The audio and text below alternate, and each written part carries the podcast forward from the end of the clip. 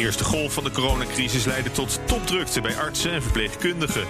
Maar studentengeneeskunde die zaten vooral thuis. Kooschappen werden stopgezet en colleges moesten van de een op de andere dag online worden gegeven. Wat betekent dat voor onze jonge artsen van de toekomst? En wat kunnen we van die eerste maanden leren nu de ziekenhuizen opnieuw steeds voller komen te liggen en de reguliere zorg weer deels wordt afgeschaald? Mijn naam is Paula Seur en over die vragen gaat deze aflevering van de Artsenpodcast van KNMG. De podcast waarin we praten over actuele zaken die het artsenvak raken. Bij mij zijn twee bestuursleden van de geneeskundestudent. En dat is de belangenbehartiger van, je raadt het al, geneeskundestudenten. Uh, Femke van de Zuidwind, uh, voorzitter van de geneeskundestudent. Jij studeert aan de Radboud Universiteit in Nijmegen. Ja, dat klopt. Ja, toch? En uh, Julia van de Oever, jij bent uh, commissaris extern bij de geneeskundestudent. Ben je voor de externe betrekkingen, uh, denk ik. En jij volgt je studie aan de Universiteit Utrecht. Ja, inderdaad. Nou, ook van harte welkom. En ehm, ja, Julia, jij, jij, liep kooschappen toen de eerste coronagolf kwam in maart. Wat, wat gebeurde er toen? Uh, de, wat er toen gebeurde was dat uh, de week voorafgaand uh, aan, aan de grote drukte op de IC's werd er in de overdracht elke ochtend gediscussieerd door de artsen. Moeten de co-assistenten naar huis of mogen ze morgen nog komen? Um, en, en steeds kwam die discussie weer terug tot op een gegeven moment op de donderdag. er werd gezegd: morgen mogen de co-assistenten niet meer komen. en ondanks dat je toch ergens wel verwachten, was het toch een shock uh, voor co-assistenten. Uh, de volgende dag moest je thuis blijven. Je wist niet hoe lang je thuis moest blijven. Uh, je, mocht, je mocht niet je kooschap afmaken. Dat zou studievertraging kunnen betekenen. Dus voor co-assistenten waren er meteen veel vragen ja. waar geen antwoord op was. Hoop onzekerheid. Maar goed, ja. wel iemand die de knoop heeft, heeft doorgehakt. Had je ergens ook wel begrip voor het feit dat het kooschap werd, werd stopgezet? Ja, er was wel begrip voor. Het enige was dat in die eerste dagen de kooschappen nog niet voor alle studenten tegelijk werden stopgezet. Dus sommige studenten konden nog doorgaan, andere studenten moesten al stoppen. En dat zorgde wel voor onduidelijkheid. Ja, en uh, weet je ook hoe dat kwam? Of, of werd erover gecommuniceerd? In sommige ziekenhuizen lagen waarschijnlijk al meer IC-patiënten met corona. In andere ziekenhuizen misschien minder. Dus niet alle ziekenhuizen besloten op hetzelfde moment... nu mogen co-assistenten niet meer komen. Uh, de week later werd dat landelijk besloten. En toen moest iedereen thuis blijven. Oké, okay, en uh, Femke, jij zat net als Julia in de laatste fase van je, van je bachelor. Volgde erin colleges. Wat gebeurde er met die colleges? Was het ook ineens afgelopen? Um, nou, in Nijmegen was dat toch anders. Um, heel veel colleges kon je namelijk al wel online volgen. Uh, dus in die zin waren we eigenlijk al wel een beetje, hadden we een houdbare opleiding voor dat scenario. Mm. Dus ik kon eigenlijk voor mijn gevoel heb ik geen studievertraging opgelopen en kon ik ook vrijwel meteen wel door. Het enige verschil was dus dat ik um, vaardigheden onderwijs van hoe onderzoek je een patiënt, mm. dat was opeens via een e-learning. En maar dat was eigenlijk de grootste impact die het op mij heeft gehad als bachelorstudent aan ja. de Radboud Universiteit. De, de, meer praktische dingen, dat je ineens ja. geen, geen patiëntcontact meer had. Nee, precies. Dat uh, was dan opeens met een online pratende oudere patiënt. En dan moest ik kijken hoe ik een kwetsbare patiënt via mijn iPad ging benaderen. Oké, okay, en, en, daar had je eigenlijk een heel ander idee over, uh, over gehad uh, voordat het. ja, eigenlijk wel. Maar het was ook alweer een ervaring. Ja, maar je zegt online dus, dat, dat gebeurde eigenlijk al. Al, voor corona was die, was die mogelijkheid er al. Ja, in Nijmegen had je al wel dat je wat meer kon bepalen van hoe, hoe is mijn studiepad. Dus je kon bepalen van nou, ik ga naar een werkgroep op de faculteit, maar ik kan ook bijvoorbeeld het thuis maken en dan kom ik er zelf al uit. Dus in die zin was het voor mij al niet een heel erg noodzaak om naar de faculteit te komen. Mm-hmm. Was dat ook al best wel beperkt. Oké, okay, en uh, dat ging dus wel soepel, die, die, over, die omschakeling naar, uh, naar online. Ja, en dat, dat zie je eigenlijk ook wel in ons. We hebben daar ook onderzoek naar gedaan. En je ziet ook dat de Radboud Universiteit ook echt met kop bovenuit steekt van hoe tevreden de bachelorstudenten zijn over de voortgang van bacheloronderwijs in die tijd. Oké, okay, ja, ja, want jullie hebben daar een onderzoek naar gedaan. Er is een rapport over, uh, over uitgekomen. Je hebt het ook meegebracht, uh, zag ik. helemaal, ja. helemaal uitgeprint. Uh, ja, wat, wat, wat jullie meemaakten, Julia maakte dus alle geneeskundestudenten uiteindelijk mee. Hè? Kooschappen werden voor het grootste deel stopgezet. Colleges werden alleen nog online gegeven. Dan heb je ineens voor iedereen een nieuwe situatie. Hè? De student, de ziekenhuizen, de opleiders. Maar de buitenstaander, die, die denkt alleen maar... is toch een beetje gek, hè? Volle ziekenhuizen, maar geneeskundestudenten die thuis zitten. Ja, kan ik me voorstellen. En voor geneeskundestudenten was dat ook best wel een beetje gek. Um, je werd inderdaad naar huis gestuurd terwijl er eigenlijk hoge nood was aan extra personeel. En er waren heel veel geneeskundestudenten die ook juist bereid waren om meer te gaan doen. En dat heb je ook gezien dat er initiatieven opkwamen vanuit geneeskundestudenten om juist te Mhm. gaan helpen. Eh, en dan niet als een co-assistent, maar bijvoorbeeld als een intensive care buddy of eh, door bloed te brengen tussen de intensive care en het lab. eh, al dat soort dingen. Dus de geneeskundestudenten hebben uiteindelijk ook nog bijgedragen in de zorg, maar dan niet als co-assistent. Op een andere manier. Ja. Maar daar kreeg je geen studiepunten voor? Of, Nee, eh, helaas niet. Nee. dat, heb, je, heb je daar wel voor, eh, voor geijverd nog? Om dat ook eh, erkend te krijgen als, eh, als een studieactiviteit? Achteraf eh, hebben studenten dat denk ik niet zoveel gedaan. Maar voor de tweede golf hopen we dat dat misschien wel mogelijk is. Nou ja, en nou, nog even over dat eh, onderzoek, eh, Femke. De gevolgen van de coronacrisis voor geneeskundestudenten. Wat was het belangrijkste doel van dat onderzoek? Wa- wa- waarom dachten jullie, we, we moeten dat maar eens in, in kaart brengen? Ehm, nou, eigenlijk het belangrijkste doel was om vooral studenten ehm, te horen. Wat speelt er nou in onze achtergrond die enorm groot is, maar ook allemaal thuis komt te zitten van de een op de andere dag. En we wilden ze vooral ook dat podium geven om aan te geven van waar ze tegenaan liepen. En ook hoe zij denken dat het bijvoorbeeld beter zou kunnen. En ook omdat het was ook natuurlijk voor de universiteiten heel lastig om te weten wat er nou bij de studenten speelde en waar ze tegenaan liepen. Dus wij wilden eigenlijk die taak op ons nemen. Dat vonden wij ook als belangenbehartiger onze taak om dat te inventariseren. Om vervolgens ook aan de universiteit weer terug te kunnen koppelen. Dat ook de studenten voelen dat ze ehm, inspraak hebben. Ja, en ook wat je eerst zei misschien wel, eh, dat er eh, zo, zulke grote verschillen zijn eigenlijk nog in, het, in, in de opleidingsvorm ja, vorm bij, bij de verschillende, eh, verschillende academische ziekenhuizen, bij de universiteiten. Ja, Dat, dat het wel belangrijk is om, om dat ook eh, naast elkaar te zetten misschien. Ja, en het is misschien ook. ehm het is geen nemen en shamen, zeg maar, in dat manier. Maar het is meer vooral om te kijken hoe je van elkaar kan leren. Van dat je ziet dat bijvoorbeeld in de Radboud Universiteit heel goed gaat. Bij een andere universiteit gaat het minder. Of is bijvoorbeeld het alternatieve onderwijs minder van de grond gekomen. Hoe kan dat? En hoe kunnen we daarin van elkaar leren? Ja, nou wat, eh, wat geneeskundestudenten misschien gemeenschappelijk hebben, is eh, dat ze misschien nu wel bang zijn voor een coronadiploma. Hè. Dat heb je ook met middelbare scholieren gehad. eh, Die, die waren ineens allemaal eh, geslaagd. En die kregen een papiertje over, over de post. Best wel dat gek. Is, ja, ja, dat is toch raar, of niet? Ja. Maar misschien ook wel dat, eh, dat het aan je, aan, aan je kleeft. Hè? Dat je een soort onzichtbaar stempeltje hebt op een, eh, op een 2020-diploma. Van eh, d- dit is niet, deze opleiding is niet helemaal voltooid, eigenlijk. Ja, we hopen dat die kansen op de arbeidsmarkt in elk geval gelijk blijven. Eh, dat is iets wat uit de toekomst moet blijken.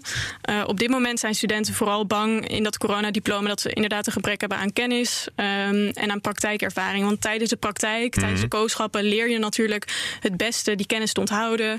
ehm, en vaardigheden leer je daarbij het beste aan. Eh, en stel dat die kooschappen worden ingekort, bijvoorbeeld, dan zijn sommige studenten bang dat ze een gebrek krijgen aan die kennis en vaardigheden. Ja. En dan kom je er te laat achter. Want misschien was het een oplossing geweest om je dan maar tijdelijk uit te schrijven van de studie.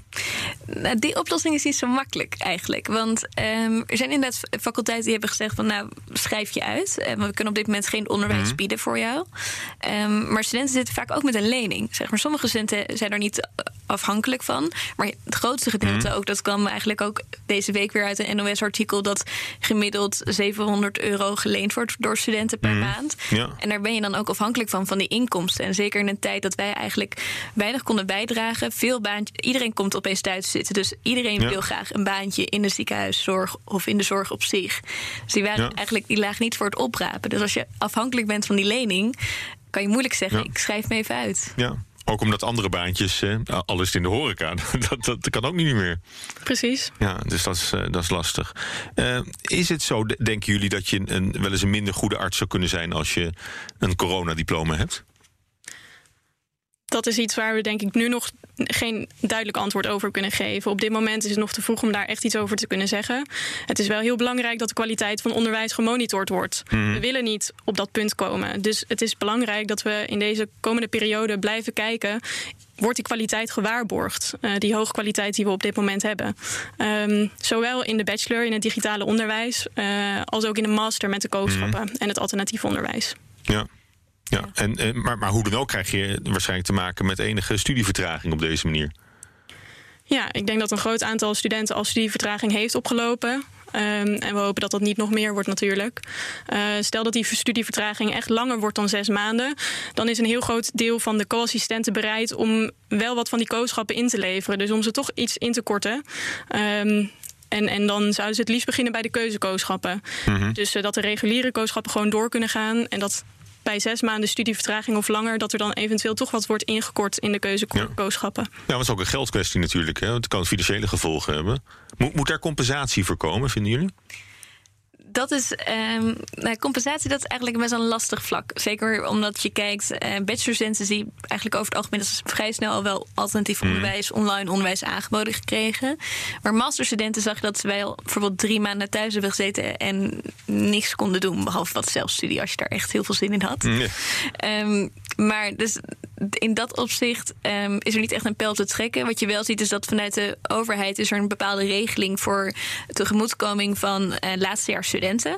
En dat is dan vaak als je dan bijvoorbeeld een nieuw collegejaar nu moest gaan inschrijven. En dan met maximaal ongeveer drie maanden kon je dan tegemoetkoming krijgen voor die drie maanden die je extra ingeschreven staat vanaf september. Alleen wij als geneeskundestudenten is dat best wel lastig omdat wij geen academisch jaar hebben. Dus wij lopen niet van september tot en met juli. Maar wij kunnen vaak elke vier weken of elke zes weken of elke week instromen in onze opleiding in die masteropleiding. Dus daardoor worden heel veel geneeskundestudenten mm niet gecompenseerd terwijl ze wel vertraging hebben.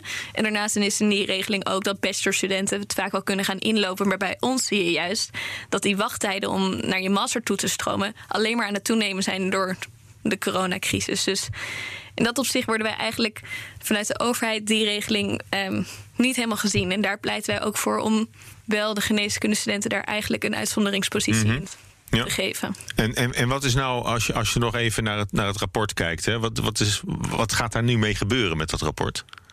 Naar wie wordt het opgestuurd? Wat, wat voor effect eh, moet dat hebben? Ik weet niet wie, wie, wie, jullie daar het beste antwoord op kan geven. Ik denk dat um, ik daar het beste antwoord op kan geven. Um, we hebben namelijk al gesprek gehad met alle opleidingsdirecteuren. Mm En daarin hebben we vooral ook die verschillen aangestipt. Meer als aandachtspunten ook om dat gesprek met elkaar zeg maar, te kunnen faciliteren op basis van die resultaten. Om van elkaar te leren. Maar zeker in de huidige online tijd is dat best wel lastig via Zoom. Mm Um, maar er zijn al wel gesprekken uitgekomen met opleidingsdirecteuren die verder met ons daarin over gesprek willen. En daarnaast hebben we natuurlijk ook zeker de KMG waar we mee praten. En ook aangeven wat er speelt. Ja. En um, ja, zij staan ons daar ook in achter om ons te ondersteunen. En die geneeskundecenten ervoor te zorgen dat ze ook in deze coronacrisistijd uh, wel alle competenties behaald ja. kunnen worden voor een competente arts. Ja, maar zouden jullie liever zien dat, uh, dat de opleidingen meer op elkaar gaan lijken? Dat, dat is de goede ding van elkaar. Want het heeft natuurlijk ook ergens wel wat. Hè? Dat je, dat je, je kan ook kiezen voor, voor het type opleiding wat, wat het meest bij je past. Zeker. Alleen um, je kiest wel voor een opleiding waar je ook in deze tijd je competenties kan behalen. En dat is eigenlijk de, het basisprincipe. In en jullie grootste zorg. Dat ja. dat, eh, dat, dat, te weinig eh, door kan gaan. Nou ja, goed, we zitten nu tegen die tweede golf aan natuurlijk. Misschien hebben we wat geleerd van die eerste golf. Daar gaan we, gaan we straks nog verder over, over praten. Met Femke van de Zuidwind en Julia van de Oever. Allebei van de geneeskundestudent. Dan gaan we het over die tweede golf dus hebben. Maar eerst is het tijd voor onze vaste gast, tuchtrechter Jeroen Recour. Welkom Jeroen. Dank. We hebben het eh, deze uitzending over de gevolgen die corona heeft. Heeft corona ook invloed gehad op de tuchtrechtspraak? Ja, natuurlijk. Net zoals de rest van Nederland. In het begin eh, gingen wij ook dicht. We zijn zo snel mogelijk weer aan de gang gegaan.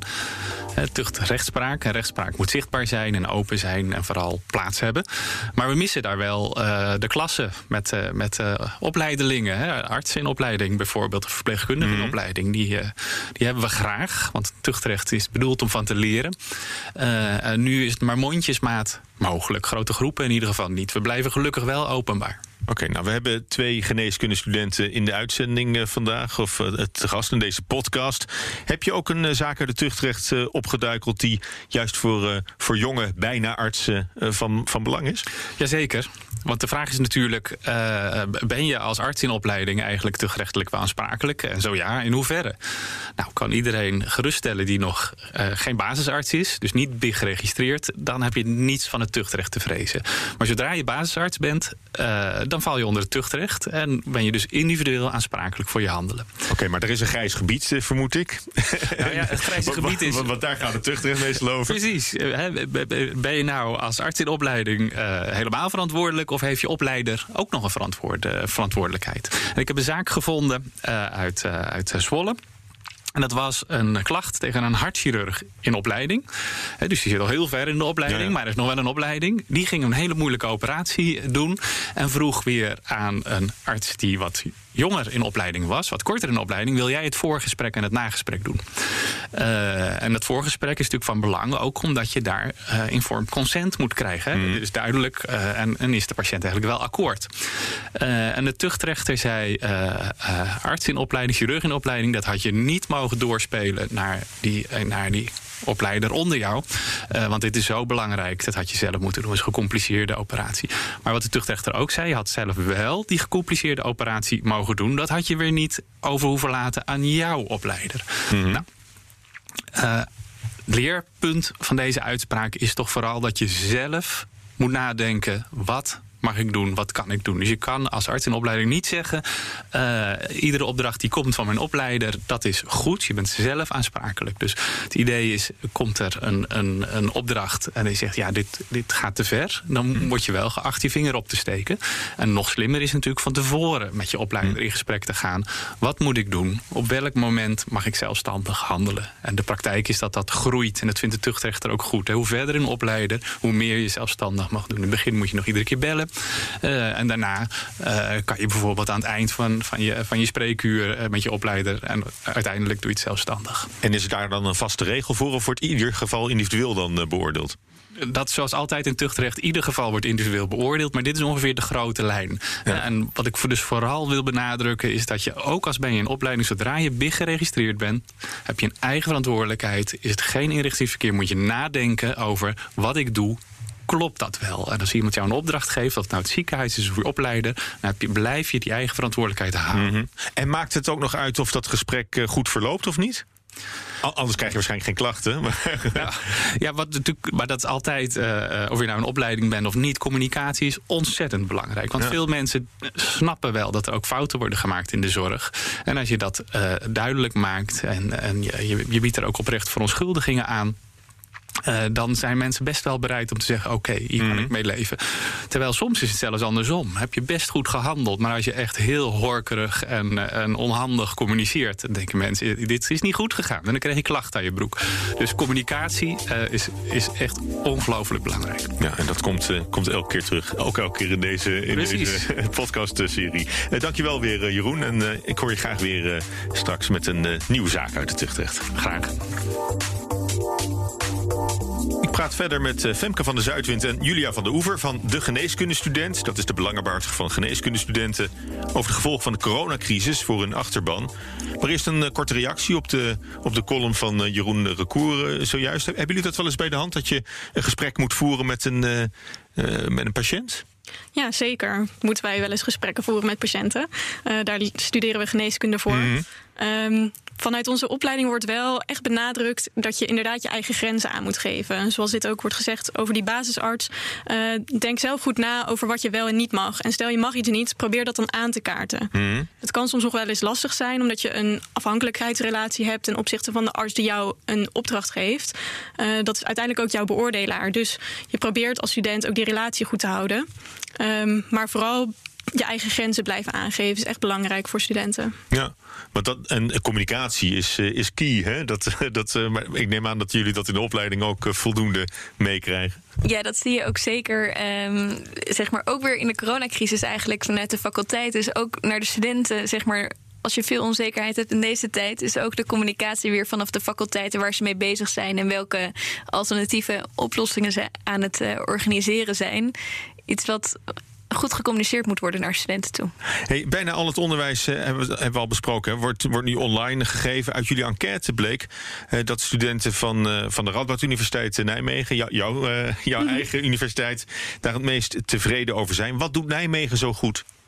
En Nijmegen laat je je eigen studiepad bepalen. Dus die, eigenlijk de keuzevrijheid. Dat, dat was al. Dat was eigenlijk al. Ja. Ja, en eigenlijk zijn door eh, de digitalisering zijn er eigenlijk nog meer mogelijkheden bijgekomen. Dus als jij als student sowieso al gewend was om wat meer thuis te studeren en wat meer zelfstandig, zijn er eigenlijk meer handvaten bijgekomen om nog beter te kunnen studeren. Dus in dat opzicht denk ik ook dat het misschien ook wel de instelling is van ehm, de geneeskundestudenten die al voor, die, voor de opleiding aan de Radboud Universiteit hadden gekozen. Ja, die, die hebben vaak ook gekozen juist voor, voor deze, eh, deze benadering. Dat, dat, Ja. dat je al heel veel eh, zelfstandig kunt, kunt doen, omdat het al eh, digitaal is voor een belangrijk deel. Ja, precies. En dat je je eigen leerervaring kiest, als het ware. Ja. En doordat jullie contact hebben met, met alle opleidingen, kun je nu ook zeggen van zou je niet wat beter naar elkaar kijken en het wat meer op elkaar afstemmen? Ja, maar dat inderdaad, wat we net ook al zeiden, meer in de basisprincipes van dat je je competenties kan behalen. En want dat is natuurlijk, als jij als geneeskundestudent thuis komt te zitten en je hoort dat je ehm, minder fysiek onderwijs krijgt, dat voornamelijk alles online is en dat het ook nog korter is, dan is het logisch dat je eerste reactie stress is en denkt, maar hoe word ik dan zo meteen arts? Ja. En eh, Julia, denk jij wel eens, eh, ik- zit ik hier in Utrecht, ik had eigenlijk ook in Nijmegen moeten gaan studeren? Ik liep zelf dus kooschappen, dus qua di- op het gebied van het digitale onderwijs eh, heb ik dat niet zo ervaren. Ehm, het is natuurlijk wel goed voor te stellen dat het lastig is voor een universiteit om in no time eh, digitaal onderwijs te produceren voor studenten. Dus het is logisch dat daar een, een tijd over gaat voordat dat echt van goede kwaliteit is. Ja. Maar ook in Utrecht waren de studenten in de bachelor echt erg tevreden over het digitale onderwijs. Ja. Ja, want eh, ja, we kunnen eigenlijk ook al een beetje een, een, een blik naar de toekomst eh, werpen. Hè. Voor- voorbij eh, corona straks. Dan is online onderwijs misschien wel een, wel een blijvertje. Dat we op veel meer gebieden eh, eigenlijk standaard de dingen digitaal gaan aanbieden. Ja, misschien is dat gedeeltelijk eh, inderdaad dat het digitale onderwijs gedeeltelijk in het onderwijs echt geïntegreerd blijft. En dat is ook een positief gevolg van deze coronacrisis, dat er zoveel geïnvesteerd is in digitaal onderwijs. Mhm. En, eh, nou ja, we, we, zien die tweede golf al eh, echt ons eh, overspoeden intussen. De ziekenhuizen raken weer voller. Als je nou de tweede golf vergelijkt met de eerste golf, eh, Julia, zie- zien jullie dan ook opvallende verschillen al? Het grootste verschil wat ik nu zelf zie is dat eh, er vanuit de ziekenhuizen eh, een grote wil is om die kooschappen door te laten gaan voor geneeskundestudenten. Dat er echt goed wordt gekeken naar wat kan nog wel en wat kan misschien niet meer. Ehm, en er wordt nu ook bijvoorbeeld gekeken naar eh, kunnen co-assistenten tijdens de tweede golf eventueel ingezet worden op COVID-afdelingen. Dus dat ze hun kooschap op een bepaalde afdeling staken, maar doorgaan op een COVID-afdeling. Om te kijken of ze daar leerdoelen kunnen behalen die ze in hun oorspronkelijke kooschap ook hadden moeten halen. Eh, dus dat is een groot verschil met de eerste golf. Ja, en eh, die bereidheid zie je ook juist wel bij studenten? Zeker, ja. Er zijn ook initiatieven vanuit studenten die, die graag eh, inderdaad op een corona-afdeling bijvoorbeeld leerdoelen willen behalen. In Maastricht zie je bijvoorbeeld een, een initiatief vanuit studenten die dat echt aandragen bij het ziekenhuis zelf. Ja. Want het is natuurlijk eh, een, een- echt heel, heel vervelend, echt heel naar eh, wat er gebeurt met corona. Maar je kunt, ook zien, eh, je kunt het ook zien als een, als een enorm experiment voor, eh, voor artsen in opleiding. Om, om eens te kijken hoe, eh, hoe, hoe, hoe dat moet. Het is ook een buitenkansje. Ja. Dus in, in die zin is een coronadiploma misschien wel juist een aanbeveling. Ja, inderdaad. Dat is denk ik ook wel iets waar, je, eh, waar wij ook al met elkaar ook in ons bestuur al over hadden. Van, zeg maar, in het, we hebben een raamplan. Op basis daarvan is onze opleiding wordt die, ehm, gevormd. En die is ook juist vernieuwd. En daarin staat eigenlijk de verbreding van de opleiding centraal. En eigenlijk de coronacrisis is bij uitstek een verbreding voor jou als toekomstig arts om deze leerervaringen op te doen. Van hoe, hoe ga je zo'n slecht nieuwsgesprek aan? En op zo'n grote basis. Dat je zoveel van dat soort gesprekken moet voeren. Maar ook hoe maak je de keuze dat iemand eh, naar een IC gaat of moet overgeplaatst worden? Dat Ja. zijn toch ook eh, interessante leerervaringen voor onze achterban die je in deze tijd op kan doen. Ja, dus dat is dan een, een geluk bij een, eh, bij een ongeluk eh, misschien wel. Ja, Ja, ja, het is altijd, altijd lastig om, eh, om, om te zeggen misschien. Ehm, maar goed, eh, ehm, eh, co-assistenten die hoeven niet te vrezen om weer thuis te komen zitten? Of minder dan bij de eerste golf? Dat durf ik niet te zeggen. Ehm, dat vind ik nog steeds lastig om in te schatten zelf. En ook omdat ik vooral eigenlijk iedereen om me heen... die vraagt het ook de hele tijd aan me. Van Femke, jij weet het toch vast wel. Jij regelt dat voor ons, toch? ja. ik zeg, ja, ik weet het niet. En eerst was ik heel positief nog. En laatst kwam een vriendin weer naar me toe en toen zei ze van... ja, wat denk jij eh, op dit moment? En zei ik, nou, ik maak me nu toch een beetje zorgen. Toen zei ze ook van, nou, maar Femke, jij was degene... waardoor ik me niet zorgen maakte. Ah. En nu maak ik me wel zorgen. Ja. Dus ja, ik vind het lastig om in te schatten, ook als je kijkt naar de afschalingsplannen en afschaling die op dit moment al gebeurt. Als er ehm, ja, dan moet er een verschuiving gaan plaatsvinden hoe wij op COVID-afdelingen onze opleiding kunnen gaan. Uh... En, er is natuurlijk ook een, een, een, vrij acute noodsituatie gaande. Heb je dan ook niet het gevoel dat je een beetje uh, hè, dat je je opdringt of dat je een beetje bescheiden moet opstellen van laat, laat ze eerst maar eens uh, ja. ja. voor de patiënten zorgen? Tuurlijk, ja, dat vinden wij zelf ook het meest belangrijke. Alleen denk ik ook dat geneeskundestudenten ook inzien hmm. van dat ze daar ook een hele grote steen aan bij kunnen dragen. Hoe, hoe druk ben je daar nu mee? Hoeveel, hoeveel van die gesprekken voer je in, in de week? Of, um, ja, genoeg wel. Ja, verschillende gesprekken in de week. En ik denk dat het voor ons als bestuur ook wel echt een hele drukke tijd is op dit moment. Dat we wel zeker wel aan de 30, eh, soms zelfs 40 uur per week komen aan onze bestuursfunctie om. Ja. om je achterban te kunnen vertegenwoordigen. Nou, dat is ook een leerervaring. Ja, ja toch? Geeft dat, voldoening. Dat, dat, geloof ik ook wel. Uh, nou ja, goed. Uh, maar studenten blijven toch afhankelijk van de ziekenhuizen en, en de opleidingen. Kunnen ze even goed zelf ook al wat doen? Um, ja, nou, daar is dus dat voorbeeld van Maastricht eigenlijk een heel mooi voorbeeld van. Want ik denk dat verschillende faculteiten op dit moment al wel aan het kijken zijn van oké, hoe kunnen we het doorzetten? Mm. Hoe kan het dan op COVID-afdelingen? Maar dat is echt vanuit studenten een initiatief van oké, we hebben op dit moment 200 studenten in regio Maastricht lopen in ziekenhuizen die al verschillende taken en eigenlijk ook de zorg aan het ondersteunen zijn.